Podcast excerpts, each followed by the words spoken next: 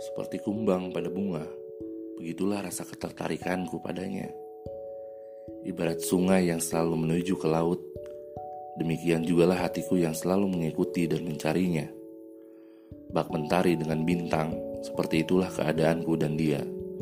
Tak mungkin bersama, tak mungkin bertemu, dan tak mungkin saling memiliki.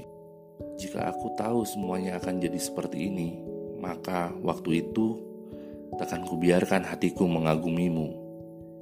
Jika saja aku tahu bahwa semua ini hanya akan memberi luka, maka saat itu pasti aku menghindari pertemuan denganmu.